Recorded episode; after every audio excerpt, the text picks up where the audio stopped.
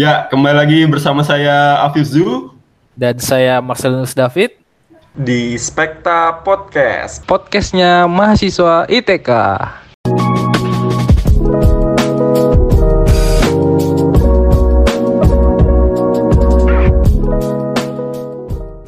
Ini selama WFH ini kok rasanya jadi miskin banget ya. Ya itu sih uh, apa ya hampa banget gitu loh. Kayak di rumah bosen, bosen, bosen, nggak tahu mau ngapain. Iya udah nggak tahu mau ngapain, nggak ada duit dari nah, orang tua juga nggak ada pemasukan. Nah itulah kita sebagai mahasiswa ini uh, harus mencari uh, jalan keluar ya supaya kita tetap di rumah tapi juga bisa gitu loh uh, punya uang, punya penghasilan sebagai kita kita juga sebagai mahasiswa kan supaya nggak terlalu merepotkan orang tua gitu. Tapi gimana ya caranya biar bisa punya penghasilan tuh? Ah, aku tuh bingung ya. Nah, kalau aku mungkin bukan ahlinya ya, mungkin bisa kita tanyakan aja ke ahlinya nih. Ya, kita sudah tersambung dengan narasumber kita yaitu Hages dan Anggara. Halo. Hai, saya halo. halo, halo.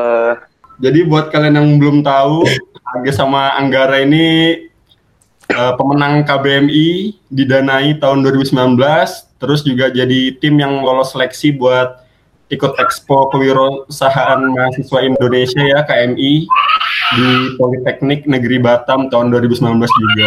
Ini keren banget sih. Uh, gila nih. Uh, ngeri banget ya bisa sampai Batam nih anak ITK loh anak Kalimantan kampus hutan. Mungkin bisa ini aja kali ya uh, berbagi kisah dulu. Gimana sih cerita kalian bisa sampai ke expo? gitu. iya sampai bisa ikut expo tuh awalnya tuh gimana sih? Kalian tuh apa masa kan nggak mungkin kan? Sekali aja langsung bisa sampai jeder gitu masuk KMI. Nah kalian siapa dulu nih yang mau cerita tentang pengalamannya gimana? Oke bisa dari Hagis dulu ya. Oke Hagis. mungkin ini dulu lah sekalian perkenalan dulu mungkin kan pendengar kita nggak tahu Hagis nih anak mana sih anak kita kan bukan sih? Udah perkenalan. Ya, benar benar benar. Oke Hagis. Oke, kenalin nama aku Hages Primatori Kurajak, biasa dipanggil Hages. Aku dari uh, mahasiswa Teknik Mesin Institut Teknologi Kalimantan angkatan 2014. Uh, dari Anggara juga deh, perkenalan dulu deh biar sama-sama perkenalan dulu. Oke, nama saya Anggara Pisbosa, saya dari Institut Teknologi Kalimantan dan saya anak mesin di ITK itu. Oke, terima kasih. Untuk pengalaman ini, coba diceritakan dulu deh dari Hages nih. Gimana sih kok yeah. bisa sampai Batam gitu loh? Uh, sepak terjangnya tuh kayak mana? Wih, ya mungkin Hages okay. bisa dijelaskan. Ya jadi ke kejelasan dari awal mulanya ya. Jadi sebenarnya kan dulu kan aku fokusannya tuh bukan ke dunia bisnis ya dari awal masuk kuliah tuh karena fokusannya tuh ya dulu sih buat kuliah aja gitu tapi uh, pas be, apa berjalannya kuliah uh, punya pemikiran gitu gimana caranya buat ngembangin diri uh, ngembangin diri itu terus juga gimana caranya kuliah itu bisa uh, ber, berpenghasilan sendiri. Terus juga uh, bagaimana kita bisa apa ya kan yang awalnya aku nih orangnya uh, bisa dibilang sosial atau uh, apatis lah. Nah itu gimana caranya supaya kita itu bisa berkembang? Dengan cara apa? Dan jadi aku uh, mempunyai cara yaitu uh, mungkin aku bisa berbisnis gitu ya atau memulai usaha. Karena uh, di dalam berbisnis itu bukan kita soal jualan aja tetapi bagaimana kita bisa memanajemen diri. Terus juga uh, bagaimana kita bisa uh, menjadi seorang pemimpin atau menjadi leader bagi tim-tim bisnis kita gitu. Jadi uh, awal mulanya itu kenapa aku bisa terjun ke dunia bisnis? Awal dari ajakan sih sebenarnya. Jadi waktu itu diajak sempat diajak sama kakak tingkat juga kakak tingkat ini dari mesin juga. Oke jadi uh, awal itu aku juga sempat nolak karena aku bingung itu aku mau bakal ngapain aja di dalam tim itu. Terus apa aja program kerjanya itu aku juga belum tahu. Nah tapi uh, aku uh, pengen aja gitu ikut aja ya udah. Jadi aku memutuskan buat ikut di timnya itu. Jadi uh, tim yang apa ya tim awal lah aku bangun bisnis itu di tim Zalaka mungkin uh, buat teman-teman ITK tahu ya apa itu tim Zalaka ya atau 21 poin grup ya. Jadi sebenarnya nah, udah apa? bisa diceritain sedikit dulu nih Zalaka ini produk apa? Mungkin kan ada nih oh, pendengar okay. yang belum tahu nih. Benar. Ini Zalaka ini sebenarnya awal ya mulanya itu berawal dari nama 21 poin grup yang di mana memiliki produk yang bernama Zalaka. Jadi gitu mulanya dan Zalaka ini sebenarnya adalah uh, produk olahan talak. Jadi uh, untuk produk yang paling utama itu adalah produk keripik. Habis itu ada uh, risoles, terus, terus juga ada uh, rolls dan juga yang lainnya. Pokoknya produk tentang olahan buah salak gitu. Jadi uh, dulu ya awalnya mulanya 21 poin grup ini uh, berawal dari uh, perlombaan sih. Jadi dulu itu namanya dari PHBD. PHBD itu program hibah bina desa pada tahun 2017. Itu awal mulanya 21 poin grup berdiri. Dan uh, PHBD itu adalah uh, gimana ya? Itu bagaimana cara kita memberdayakan masyarakat sekitar kampus kita. Jadi uh, pada PABD 21 Points Group ini kenapa kita memberikan nama 21 Points Group karena kita memberdayakan masyarakat kilometer 21 dan uh, pemberdayaannya itu adalah dengan mengolah talak. Jadi kayak gitu awal mulanya itu satu poin sebelum berdiri. Terus semakin berkembangnya waktu dan juga uh, buat aku sendiri aku baru masuk tuh tahun 2000 2000 berapa poin 2018 eh 2019 baru masuk Aku maba masuk berarti? pas semester dia, pas maba semester 2 tahun 2019 ya. Di uh, itu awal mulai itu udah dari maba sudah uh, gabung ke mereka padahal mereka itu adalah ke, ke, ke tingkat yang uh, jauh dari angkatan ke sendiri. Bayangkan aja bedanya itu ya tiga tiga tahun gitu.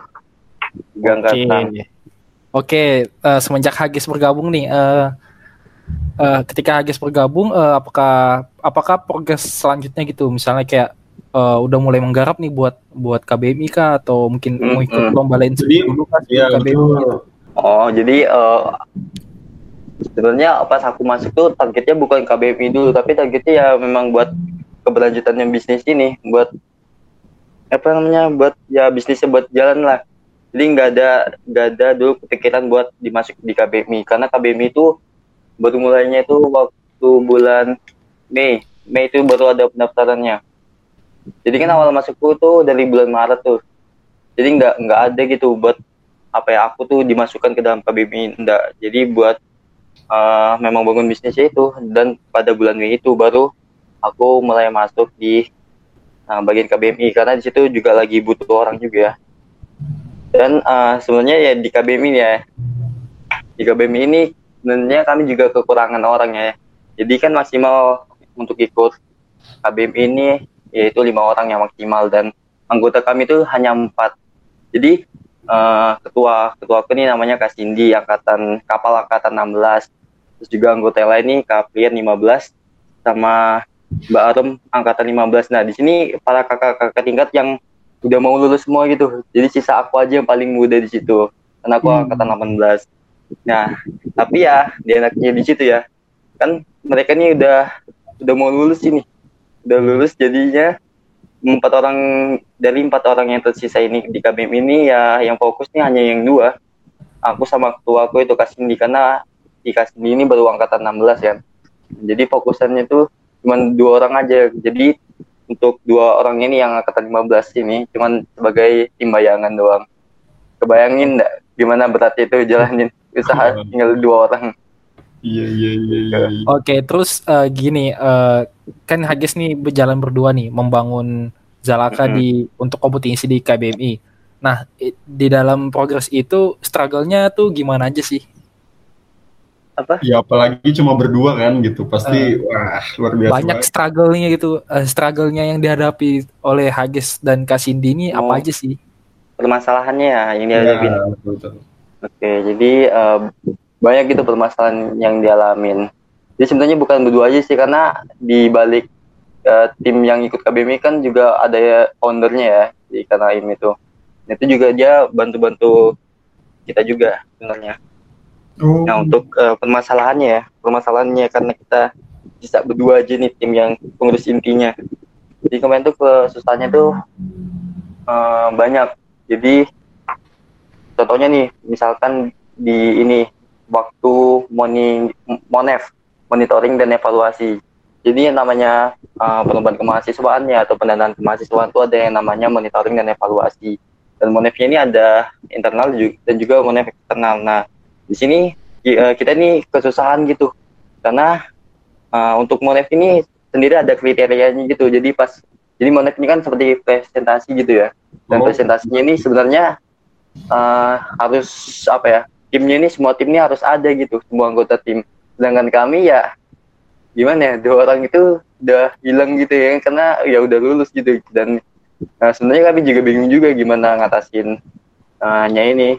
Jadi uh, sebenarnya kita juga udah konfirmasi sih ke pihak dosen juga kenapa kita sisa berdua aja.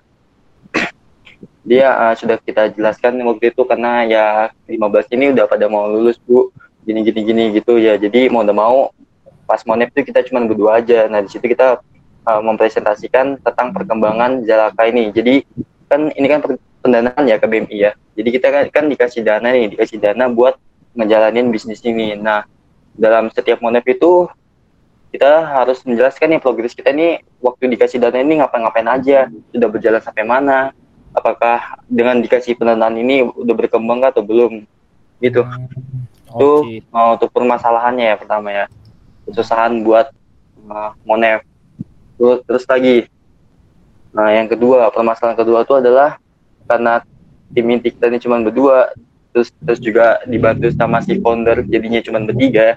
Nah kita ini kesusahan saat uh, apa yang namanya mem- membangun bisnis ini. Jadi ya contohnya seperti membuat produk lalu uh, marketingnya juga kebingungan Contoh nih kalau buat produk sih memang kita punya karyawan sendiri. Di karyawannya itu dari masyarakat kilometer 21. Nah untuk produksi ini memang mereka yang mengerjakan, tapi di sisi lain kita juga bakal apa ya kayak memonitoring terus lah pekerjaan mereka, produksi mereka ini udah sampai mana, terus sudah bagus kah atau enggak, udah tepat, udah sesuai sama permintaan kita atau enggak. Nah itu juga kita uh, butuh kan namanya uh, memonitoring terus ya. Nah di situ kita juga kesusahan karena cuman kita bertiga aja nih. Jadi kita harus mau nggak mau yang awalnya job kita ini kita mau nggak mau harus double job. Jadi harus kerjain yang satu ini, kerjain yang satu ini juga. Gitu. Jadi terbagi-bagi gitu lah fokusannya jadi. Oke, jadi dari timnya aja jumlahnya aja udah tinggal berdua sama foundernya bertiga, tapi Hmm. bisa menang KBMI, bisa didanai KBMI dan bisnisnya ini juga tetap jalan ini keren banget sih luar biasa. Alhamdulillah. Alhamdulillah. Mungkin dari Anggara nih sekarang coba kita dengerin. Kalau kemarin Hages di Zalaka, sekarang Anggara ini gimana Iya. ya kemarin? Brako. Mungkin saya jelaskan dari awalnya lagi ya sejarahnya Oke, mungkin silakan. kayak tadinya gimana sih mahasiswa itu bisa menghasilkan uang, gimana sih mahasiswa itu bisa eh, lebih kayak produktif kayak gitu. Ya mungkin aku Gas bro, gas. nggak ya dari awalnya aku memang masuk kuliah ini nggak ada niatan gitu nggak ada arah kayak gitu intinya aku lulus dari STM itu mau kerja cuman gimana caranya aku kerja aku sudah termasuk di ITK kayak gitu dan aku di situ berpikir gimana aku di ITK ya bisa menghasilkan uang di ITK itu pas awal-awal aku tuh ada kepikiran mau bikin bisnis eh, bunga bayangin aja coba Anak STM masuk kuliah mau bisnis bunga. Iya, jadi itu Wah, keren itu. awal- awal-awal kuliah itu aku nge-searching di YouTube eh, bisnis yang cocok untuk mahasiswa. Di situ ada liputan dari Kompas TV, itu ada anak UNY, dia bisnis bikin bunga dari kertas. Dan itu wah iya bucket, dia bikin bisnis bucket bunga dari kertas gitu. Dan itu laris kayak gitu. Dan itu cukup inspirasi aku gitu. Nah, terus oke lah aku cari di YouTube cara membuat bunga bucket kayak gitu ya kan Nah, kulat di bunga bangkit itu ternyata di YouTube itu banyak tutorialnya. Ya sudah, aku buat itu banyak banget aku buat sudah sampai sekarang. Sekarang pun masih ada sisanya. Yang beli pun itu ada, ada. Oh, berarti sudah sempat ada yang beli ya? Sempat, sempat. Dari teman-teman terdekat aja. Dari teman-teman terdekat itu kan, jadi pertamanya dia nggak percaya. Nggak, terus dia nggak percaya kalau misalkan itu aku yang buat gitu. Eh, ini beneran ya, beneran, bener. Terus, loh kok bisa sih kamu kayak gini? Kamu anak mesin. Iya, iya ya, di situ lah. Setiap aku jual ke orang, kamu anak mesin, kamu anak mesin, kamu anak mesin. Apa maksudnya ini? Iya, iya juga ya. Kenapa aku milih jalur ini? Kalau bisnis oke lah, cuman ini kenapa ya? Kok aku milihnya bunga kayak gitu.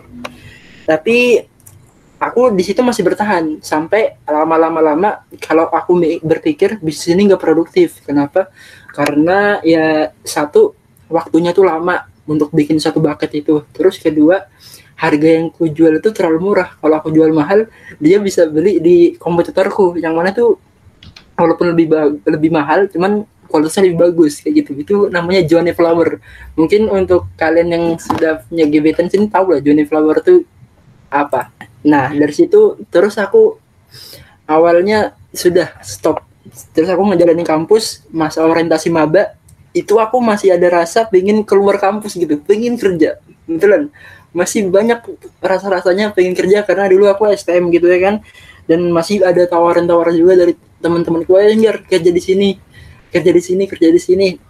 Eh, cuman ya sempat goyah sempat goyah. Tapi sampai saatnya eh, itu aku ketemu suatu program yang namanya itu eh, KBMI gitu.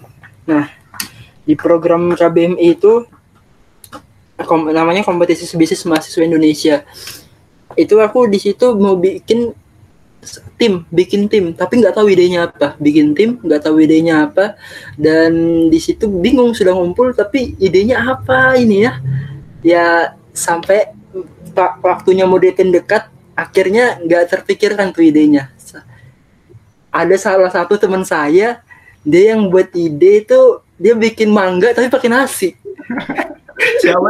Tuh, gimana tuh bikin mangga iya bikin nasi? dia bikin Gimana? mangga pakai nasi penasaran Siapa Ger? Siapa Ger orangnya Ger? Sebut Ger. itu kalau sama Afif juga itu anak tuh Iya, jadi waktu itu aku sama Anggara nih sempat bareng ya mau di KBMI. Gara-garanya nasi Hmm. pakai mangga itu ini kebanyakan nonton film Thailand kan. Wih, mereka ini kok Oh. mangga pakai nasi, pakai ketan. Ternyata gimana Ger rasanya Ger? Iya aneh gitu. Kamu orang Indonesia makan nangga itu pakai apa sih? Ini kok pakai nasi? Eh, tapi ada yang bilang enak tau. Iya, iya. Udah tahu ya kalau depan belakangnya gimana. Oke oke oke. Cuman Lanjut, itu, lanjut. itu ketan ya kemarin ya. Nah gitu. Cuman akhirnya tim itu udah jalan dan aku eh, alhamdulillahnya setelah itu ketemu sama seorang role modelku di ITK yaitu Kak Arman, Kak Laisa dan Bang Zulfadli. Tiga orang itu ya akhirnya bisa bikin mindsetku kuliah itu ada gitu. Nah di situ aku diajarin bisnis, diajarin tentang ilmu-ilmunya, diajarin tentang marketing, finansial segala macem. Dan dari situ aku mulai tahu bisnis. Dan di situ aku dikasih sama posisinya kayak Hages, aku dikasih project dan projectnya itu namanya Brako, kaldu buah kepiting pertama di Indonesia. Wow. Oke. Gitu. Dan- Pertama di Indonesia ya? Iya, bisa dicek aja kalau kamu nge Google, kalau kalian nge Google tuh kaldu buah kepiting. Yang keluar tuh pertama kali pasti produk produkku kayak gitu. Wah, Nah, dari itu nih, dasarnya kenapa bisa keren nih hal unik, hal pertama yang ada di Indonesia nih. Itu Ini berarti mau nyaingin Masako nih ya, Masako, Royko. Mereka aja belum bikin kepiting. Ini Ya, udah ada nih keren banget. Jadi ini aku cerita tentang gimana dulu nih, brakonya atau apanya? Mungkin sedikit dulu Brakonya dulu deh. Brako itu produk apa, baru nanti dilanjut lagi. Oke, jadi Brako ini adalah produk yang berasal dari potensi Balikpapan, kayak gitu. Eh, kita ketahui Balikpapan sendiri ini salah satu potensi terbesarnya itu yaitu perikanan. Dan salah satu komoditas perikanan yang sangat digemari oleh masyarakat Balikpapan adalah bukan Balikpapan saja, tapi adalah kepiting gitu. Di Balikpapan sendiri, ekspor kepiting itu dalam seharinya bisa mencapai 15 ton loh. Itu data dari Tribun Kaltim tahun 2018. 15 ton dalam per hari gitu. Nah, Berako sendiri eh, lahir dari potensi itu dan dia harapannya bisa memenuhi eh, kebutuhan-kebutuhan UMKM di Balikpapan.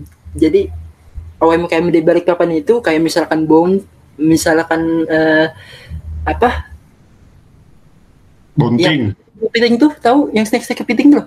Bunting, ya, Bunting, bunting, kepiting. Nah, itu dia ada rasanya anu kan rasa kepiting gak dia ngebrandnya. Cuman sebenarnya itu kalau kamu rasakan itu belum ada rasa kepitingnya. Oh, kurang ya. Kurang, ada cuman sedikit kurang. Nah, di sini Brako lahir, Brako muncul eh, di atas latar, latar belakangi kebutuhan UMKM ini dan berdasarkan potensi ini sebagai solusi buat mengurangi limbah cangkang kepiting. Oh ya, saya belum bilang Brako ini juga berdas- berasal dari limbah cangkang kepiting. Jadi kita memanfaatkan potensi limbah ya, bukan daging kepitingnya seperti itu. Berarti dari cangkang yang udah nggak kepake itu dimanfaatkan gitu ya. Iya. Jadi dia dari cangkang yang kita pakai lah. Biasanya dibuang ke laut dan dibuang ke laut itu biasanya dia bahaya bagi laut seperti itu. Oke. Oke, aku lanjut mungkin ya. Ya, Ketika sudah silakan, bertemu dengan mereka, eh, di situ saya dibajarin banyak hal. Nggak cuma bisnis, tapi juga diajarin gimana caranya kuliah gitu loh. Seperti itu. Dan eh, di situ aku ketemu satu titik di mana mahasiswa jadi mahasiswa itu penting. Jadi mahasiswa itu adalah makhluk yang paling istimewa. Gitu. Kenapa? Wah, Karena ternyata tuh? Coba karena ternyata KTM kita itu hari anu barang yang paling berharga sumpah KTM kita itu barang yang paling berharga kenapa karena dengan KTM itu kita ke mana-mana pun tuh bisa aku sudah membuktikan kemarin ketika aku dites untuk ke Ke mana ke mana? Ke ini dinas perikanan. Iya, aku konsultasi tentang produk ini. Aku tuh konsultasi tentang produk ini. Eh, akhirnya ternyata ya oke. Kalau kita bawa nama mahasiswa, kita membawa KTM, itu passwordnya tuh cuman dibilang gini aja. Dari mana? Mahasiswa pak, mahasiswa ITK. Oh gitu. Langsung, deh, langsung. biasanya langsung disuruh masuk. Coba Wih, langsung diterima ya. Iya langsung diterima dan kamu bisa langsung konsultasi dengan sebagian yang penting lah di dalam instansi itu. Se- Dari instansi apa gitu, pasti nggak segampang ketika kamu membawa nama mahasiswa. Jadi seperti itulah. Oke, ketika sudah aku tahu, jadi sayang banget kalau sebenarnya mahasiswa itu belum ada dapat ide. Nah, ini aku bicara bukan bisnis saja, tapi masalah ide masalah ide yang nggak ada diflorkan selama kuliah. Maksudnya nggak ada dibuat selama kuliah. Kenapa? Karena dari kamu mahasiswa itu kesempatan kita tuh banyak banget buat kita bisa ngembangin potensi kita. Karena yang bantu tuh bukan cuma di kampus, tapi di luar kampus juga. Ya. Oke. Berarti mungkin sama kayak Hages tadi ya. Yang awalnya nggak tahu mau ngapain, ada kesempatan, nggak sekolah aja pokoknya. Iya, seperti itu. Jadi Oke. sebenarnya bisnis itu berdasarkan Gimana gimana gimana? ya yang dimulai tapi bukan yang terlalu banyak ditanyakan kayak gitu kadang orang tuh bisnis tapi bingung itu mau bisnis apa tapi sebenarnya yang terpenting ya dimulai actionnya yang paling terpenting seperti itu Siap, siap, siap, siap. Berarti eh, kayak saya kayak pernah dengar eh, kata-katanya seseorang ya, seorang dosen. eh, yang mungkin kita semua tahu, beliau sering mengatakan kalau kalau apa pun itu, apa pun yang sudah direncanakan, jangan terlalu lama panjang untuk dipikirkan. Tapi ya intinya hantam aja dulu gitu loh. Jadi Oh iya. eh, gak usah kelamaan mikir, gak usah kelamaan pertimbangkan, jalanin aja dulu. Apa pun resikonya hadapi. Mungkin kayak gitu ya, Gara ya. iya bener bener banget bener banget Shout out ya buat Pak Hadimas, dosen mesin kita, dosen the best banget. Itu beliau yang memiliki slogan hantam aja dulu. Shout out buat beliau. Oke. hantam aja dulu. Kalau jatuh itu nggak apa ya. Walaupun memang hantam aja dulu itu hantam aja dulu itu pasti ada potensi jatuh di situ. Nggak apa-apa tapi jatuhnya itu awal buat kita belajar gitu dari kesalahan kita yang tadi jatuh. Nah, mungkin nih eh, dari kalian berdua sudah lolos KBMI, didanai, sudah masuk KMI juga, Expo KMI Award. Nah, apalagi nih penghargaan apalagi yang kalian pernah raih? Kayaknya kalau buka di Instagram tuh juga ada nih kayak ya mukanya Anggara nih. Eh, dari siapa dulu nih? Anggara deh, boleh deh. Udah Oke. di spill. Jadi kalau KMI itu juga sebenarnya dari yang lain selain KMI ini Fit ya, selain KMI kah Fit? Iya, yang sudah pernah diraih. Kan KBMI lolos diraih sudah, Expo KMI sudah. Ada lagi nggak penghargaan yang pernah diraih nih? Oke, yang terakhir tuh kemarin menang lomba bisnis competition se Kalimantan dan itu diadakan di Stipan. Eh, itu juga sebenarnya nggak awalnya takut ya. Kenapa takut? Karena sebenarnya pengalaman pertama aku buat lomba bisnis tuh malah di camp itu maksimal maksimal. Cuman yang bikin agak nervous di S- Stipan itu karena ini lawannya mahasiswa ekonomi semua gitu mahasiswa ekonomi, mahasiswa manajemen, mahasiswa akuntansi yang notabene dia tuh lebih tahu bisnis karena itu pelajaran dia sehari-hari kayak gitu. Wow. Pelajaran dia sehari. Anak mesin ya. Multi Nah, talent sekali ya. aku- Aku bingung. Nah, tapi ternyata ya selama kita karena kemarin pas di Batam itu juga dapat pelajaran eh, kita itu bukan kita itu ketika keluar jangan bawa nama besar bawa jangan kita tuh enak mahasiswa ITK karena kita nggak bawa nama besar kampus. Contoh kayak misalkan anak ITB anak IUGM anak ITS itu mereka ketika lomba itu sudah terbebankan dengan nama kampusnya mereka yang besar itu. Jadi kalau misalkan nggak juara itu gimana ya rasanya ya? You know lah gimana. Antara malu antara pesimis lah. Aku ini kampusku besar tapi kok nggak juara ya. Cuman kalau ITK posisinya beda. Di ITK kita setiap lomba memposisikan selalu untuk menjadi pembelajar. Nah di situ karena selalu memposisikan diri sebagai pembelajar di situ kita bisa menjadi yang terbaik. Kayak gitu. Bener banget Jadi, Anggara. ya eh, sebagai pembelajar dan juga untuk mengharumkan nama ITK. Jadi untuk membesarkan nama ITK juga. iya Untuk benar menjadi untuk menjadi seperti kampus-kampus yang sudah disebutkan tadi sebelumnya. iya Iya. Oke. Eh, kalau itu dari saudara Anggara. Nah, sekarang dari saudara Hagis nih. Gimana nih dari Bro Hagis? Apa aja yang udah diraih nih? Eh, yang udah diraya. Apa ya? Eh, mungkin oh aneh sih mungkin nih bu- di cabang yang berbeda ya bukan bisnis Oh, cabang apa ini, guys?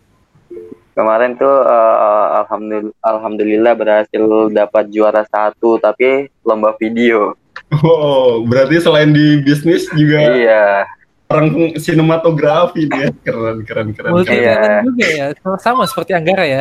Multi talent. Eh, Hebat kalian. juga bukan bukan aneh ya jadi kan kemarin kan awalnya baru belajar bisnis tuh baru belajar tapi dengan bisnisnya orang itu belajar bisnis dengan bisnisnya orang nah semenjak eh, setelah ngikutin perlombaan itu aku apa ya kayak punya pemikiran sendiri gitu nah. Pengen buat bisnis baru.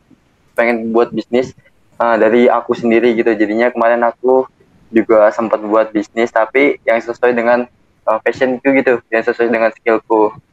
Ya kan aku punya skill di bidang desain gitu. Bidang desain lah jadi uh, semenjak belajar-belajar tentang bisnis itu ya pas Januari itu aku sempat nge- ngeluncurin bisnis desainku pribadi itu milik pribadi sendiri itu jadi namanya tuh desain in here mungkin uh, teman-teman bisa cek aja ya di IG atau bisa cek di bioku di Instagramku di bionya ada di sini Air. Dan alhamdulillah ya dari situ sudah uh, penghasilan penghasilan yang aku dapat selama kuliah ini juga. Jadi keahlian editing, keahlian sinematografi ditambah dengan keahlian bisnis, wah jadi satu. Gila, keren banget. Moncer, moncer. Wah. Mantap guys. Nah mungkin gini, eh, ini mungkin pendengar-pendengar kita ini ada yang mau mulai bisnis kan, apalagi sekarang uang jajan nggak dapet, waduh pusing kan. Nah ini dari kalian berdua nih, apa sih kiat-kiatnya nih buat memulai? Gimana caranya nih biar mulai? Oke, Coba. dari habis dari habis Ini dulu. mungkin Anggara. Dulu, mungkin yang tadi sudah ngomongin bisnis barunya. Oke. Jadi gimana nih buat apa? memulai bisnis? Mau mulai bisnis ya. Oke. Jadi ya kalau kalau dari aku sendiri ya dari apa yang uh, udah aku lakuin, aku yang aku pelajarin. Jadi untuk memulai bisnis tuh awal mulanya tuh adalah uh, keberanian dulu ya, keberanian, keberanian buat memulai, keberanian buat uh, misalkan tiba-tiba bisnismu ini bakal bangkrut. Nah itu kamu harus punya keberanian kayak gitu. Di situ uh, apa ya? uh, lebih ke mental gitu lah karena mental pebisnis itu berat juga sebenarnya terus juga aku sering dengar dari orang-orang gitu kalau bangun usia apa bangun usaha tuh sebenarnya gampang sebenarnya itu enggak malah kebalikannya ya. Jadi ya banyak gitu yang remehin.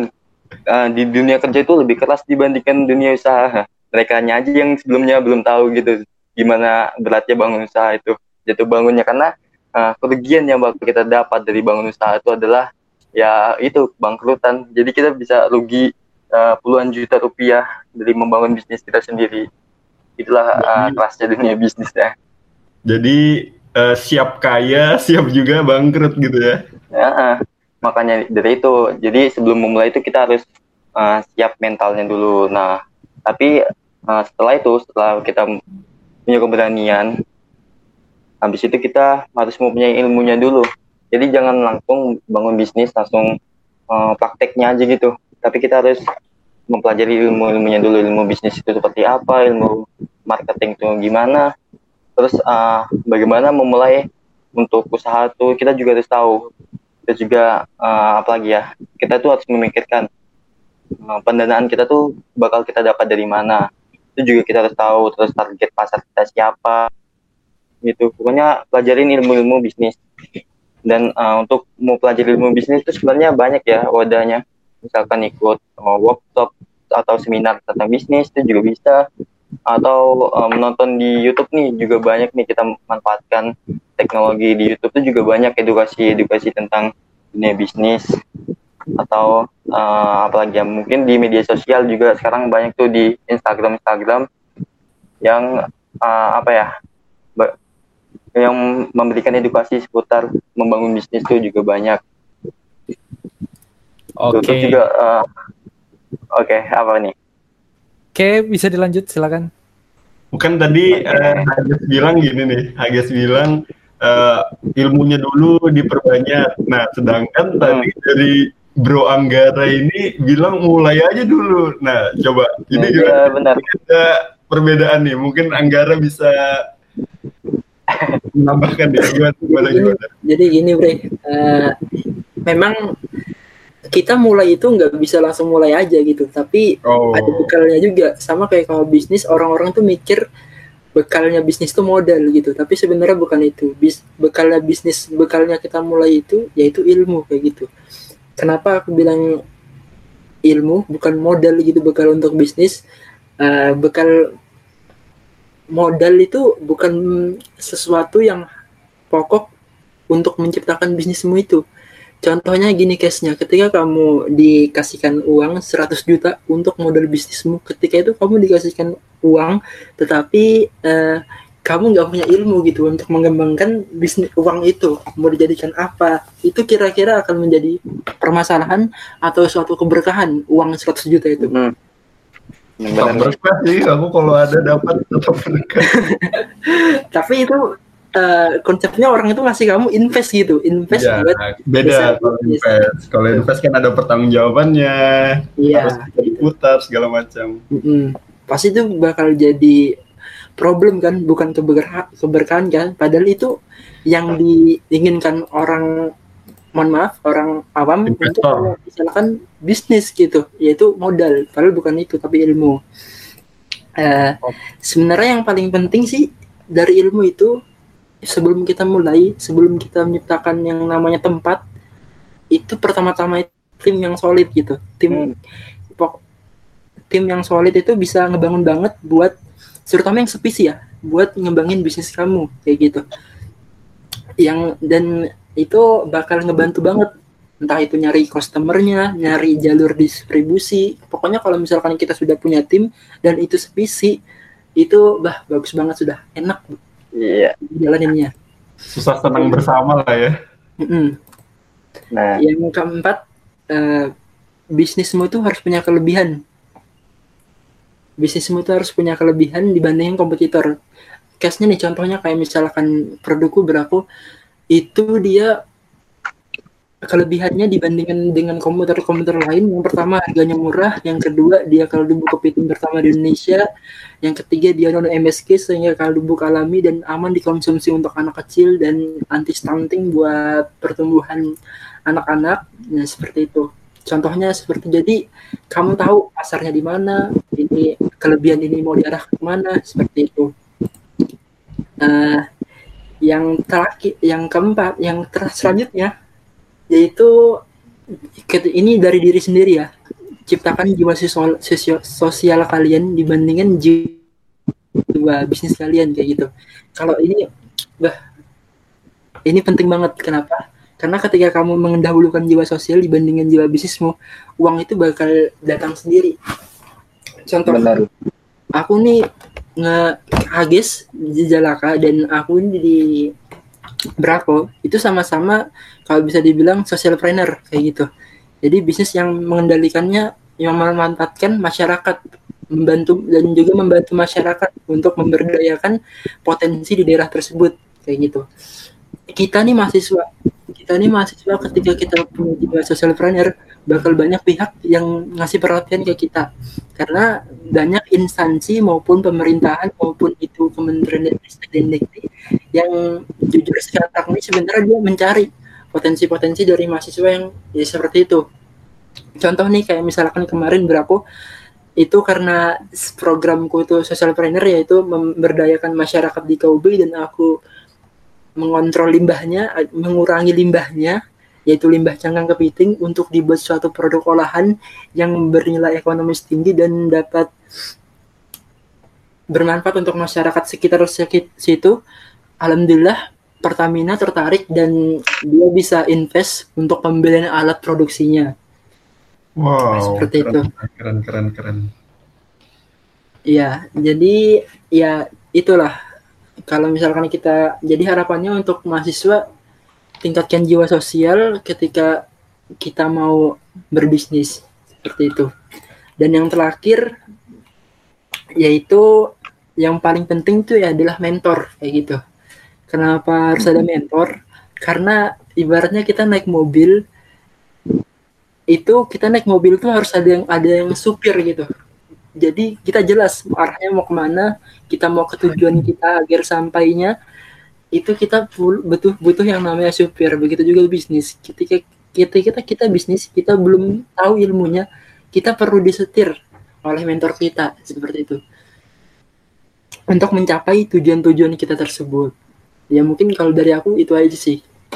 Jadi Eh, mungkin oke. Nah, ini ya. Nah, aku mau nanggapin tentang mentor dulu. Jadi mentor tuh memang penting banget. Jadi mungkin bagi pendengar-pendengar nih yang mau mulai bisnis emang bahkan aku eh, apa ya prioritas utama sih itu mentor. Jadi kamu nih mau bisnis nih. Kira-kira kemungkinan kegagalan itu apa aja sih? Nah, kita bisa tahu dari siapa? Dari orang yang sudah pernah melakukan bisnis. Nah, Iya, orang yang melakukan bisnis itu itulah yang menjadikan mentor yang kita jadikan mentor. Jadi kak gimana sih? Ini bener nggak? Langkah ini bener nggak? Iya benar-benar. Karena kalau kita nggak ada orang itu, bakal kita nggak tahu arahnya mau ke mana gitu. Ibarat kita naik mobil nggak ada supirnya, gitu. Bahkan gampang kecelakaan kayak gitu. Oke. Oke, mungkin eh, kiat-kiat bisnisnya sudah sudah sangat jelas ya, mungkin dari dari Bro Hagis dan Bro Anggara. Nah, kalian kan sudah membangun nih sebuah bisnis. Nah, sem- sebenarnya eh, tantangan yang paling berat itu adalah mempertahankan bisnis kalian. Nah, gimana dari kalian nih gimana sih cara untuk mempertahankan bisnis kalian untuk tetap berlanjut gitu mungkin bisa dari Bro Hagis dulu ya Bro Ya, Hagis apalagi di tengah pandemi ini kan wah, banyak yang tutup, bisnis gulung tikar. Nah ini harus tipsnya gimana sih? Jadi sudah memulai bisnis, mempertahankannya gimana nih? Nah coba siapa dulu nih yang mau? mungkin bisa dari Bro Hagis deh Bro Bro Oke, Hagis Oke, Eh, kalau dari aku ya untuk eh, bagaimana caranya buat mempertahankan bisnis ya. Yang pertama adalah eh, konsistensi. Jadi eh, konsisten itu penting sebenarnya untuk membangun bisnis kita bakal eh, terus lanjut gitu untuk berkelanjutan. Nah dan sebenarnya buat konsistensi ini berat ya sebenarnya kalau kita jalankan. Apalagi misalkan nih kita yang kita kan ini lagi mahasiswa ya lagi kuliah. Nah untuk konsisten di eh, terhadap satu hal tuh ya pastinya nggak mungkin kan karena konsistensi kita yang paling utama itu adalah kuliah ya kan dan bisnis ini adalah ah, sebagai apanya ya kayak penunjangnya gitu kan. Nah gimana caranya supaya kita ah, konsisten ya? Yang penting kamu apabila kamu punya komitmen pasti kamu bakal ah, konsisten di bisnis itu. Jadi ah, kamu tuh yakin gitu nah kalau bisnis yang kamu bangun ini bakal ah, terus ah, berjalan gitu terus lancar. Dan juga uh, bisnis yang kamu bangun ini benar-benar menghasilkan uh, profit gitu, menghasilkan benefit. Nah maka dari itu kamu pasti punya uh, komitmen ya buat konsisten terus untuk menjalankan bisnis itu. Nah habis itu yang kedua uh, itu apa ya bangun relasi sebanyak mungkin. Jadi sebenarnya relasi ini juga sangat penting ya. Nah apabila uh, kita punya relasi pen, apa relasi yang banyak, nah otomatis usaha yang kita bangun ini makin berkembang gitu. Jadi kita bisa meminta uh, kepada siapa pun uh, buat promosikan atau branding lah bisnis kita ini. Misalkan kita punya kenalan nih, kenalan, kenalan kita ini sama-sama pengusaha gitu. Nah kita bisa uh, apa ya menerapkan sistem bundling gitu ya atau kerjasama sama mereka. Jadi kita bisa bekerja sama gitu buat bangun usaha ini sama-sama uh, terus meningkat gitu dengan adanya sistem itu. Oke, jadi kan ada komitmen, relasi yang banyak, uh, sama konsistensi ya. Mungkin uh, dari aku ya itu sih baru. Mungkin kalau Oke. ada, Oke, Iya, dari. Bro Anggara gimana nih dari Bro Anggara nih Ya, Apa aja sih? dulu. Oke, kalau dari aku sih sebenarnya dari pandemi ini berpengaruh banget ya terhadap para UMKM dan UKM yang di ada di seluruh Indonesia kayak gitu. Tapi alhamdulillahnya di UMKM yang salah satu masih konsisten di masa pandemi ini yaitu makanan. Itu belum begitu nggak terpengaruh karena itu kebutuhan pokok kayak gitu. Kebutuhan pokok dan masih dibutuhkan untuk menjalin hidup menjalin, seperti beras seperti bumbu dapur seperti produkku ini gitu. Jadi yang mungkin tips selanjutnya bisa mencari bisnis yang tepat yaitu seperti makanan yang berbau-bau kebutuhan pokok. Seperti itu kalau dari saya Eh, tapi saya untuk menjalani pandemi ini berpikirnya lebih ke realistis ya. Realistis. Bisa dikatakan gini eh, bisnis di sekarang ini sebenarnya yang kayak berbau-bau makanan-makanan ringan atau berbagai macamnya itu itu kurang laris karena orang-orang mikirnya ya kebutuhan pokok kayak frozen food kayak beras gitu ya kan. Jadi agak sulit. Tapi alhamdulillahnya salah satu yang paling konsisten dan masih bisa ekspor yaitu perikanan. Dan di sini alhamdulillahnya dari saya dan teman-teman karena relasi juga karena itu masih ada bisnis cadangan yaitu kita masih menjalin yang namanya distributor kepiting dan hasil-hasil olah hasil-hasil panen laut lainnya. Nah, awalnya memang di pandemi ini di pandemi ini kepiting susah dan olahan-olahan laut di Indonesia tersendat karena ekspor tuh ditutup kayak Cina, ke Jepang, Korea tuh tutup semua. Yang mana itu pasar Indonesia. Tapi sekarang alhamdulillah sudah dibuka dan semua itu ya normal lagi seperti itu. Dan yang kita takutkan kemarin restoran-restoran pada tutup sekarang sudah pada buka. Iya, alhamdulillah sekarang udah mau memasuki new normal, jadi sudah Iya. banyak yang dibuka lagi. Iya, seperti Oke, kita berdoa aja lah semoga eh, pandemi ini cepat-cepat berakhir. Iya. Supaya eh, kehidupan kita kembali normal dengan normal yang baru dan aktivitas kita juga berjalan dengan lancar seperti sebelumnya. Oke, Amin. untuk untuk yang terakhir nih buat buat ini nih pesan bagi teman-teman pendengar nih buat yang mau mulai bisnis baru itu kalian ada pesan-pesan nggak sih buat pemula-pemula ini mungkin dari Bro Anggara bisa ngasih pesan deh buat teman-teman pendengar Oke, udah jauh-jauh ini tadi Tiko bilang ya.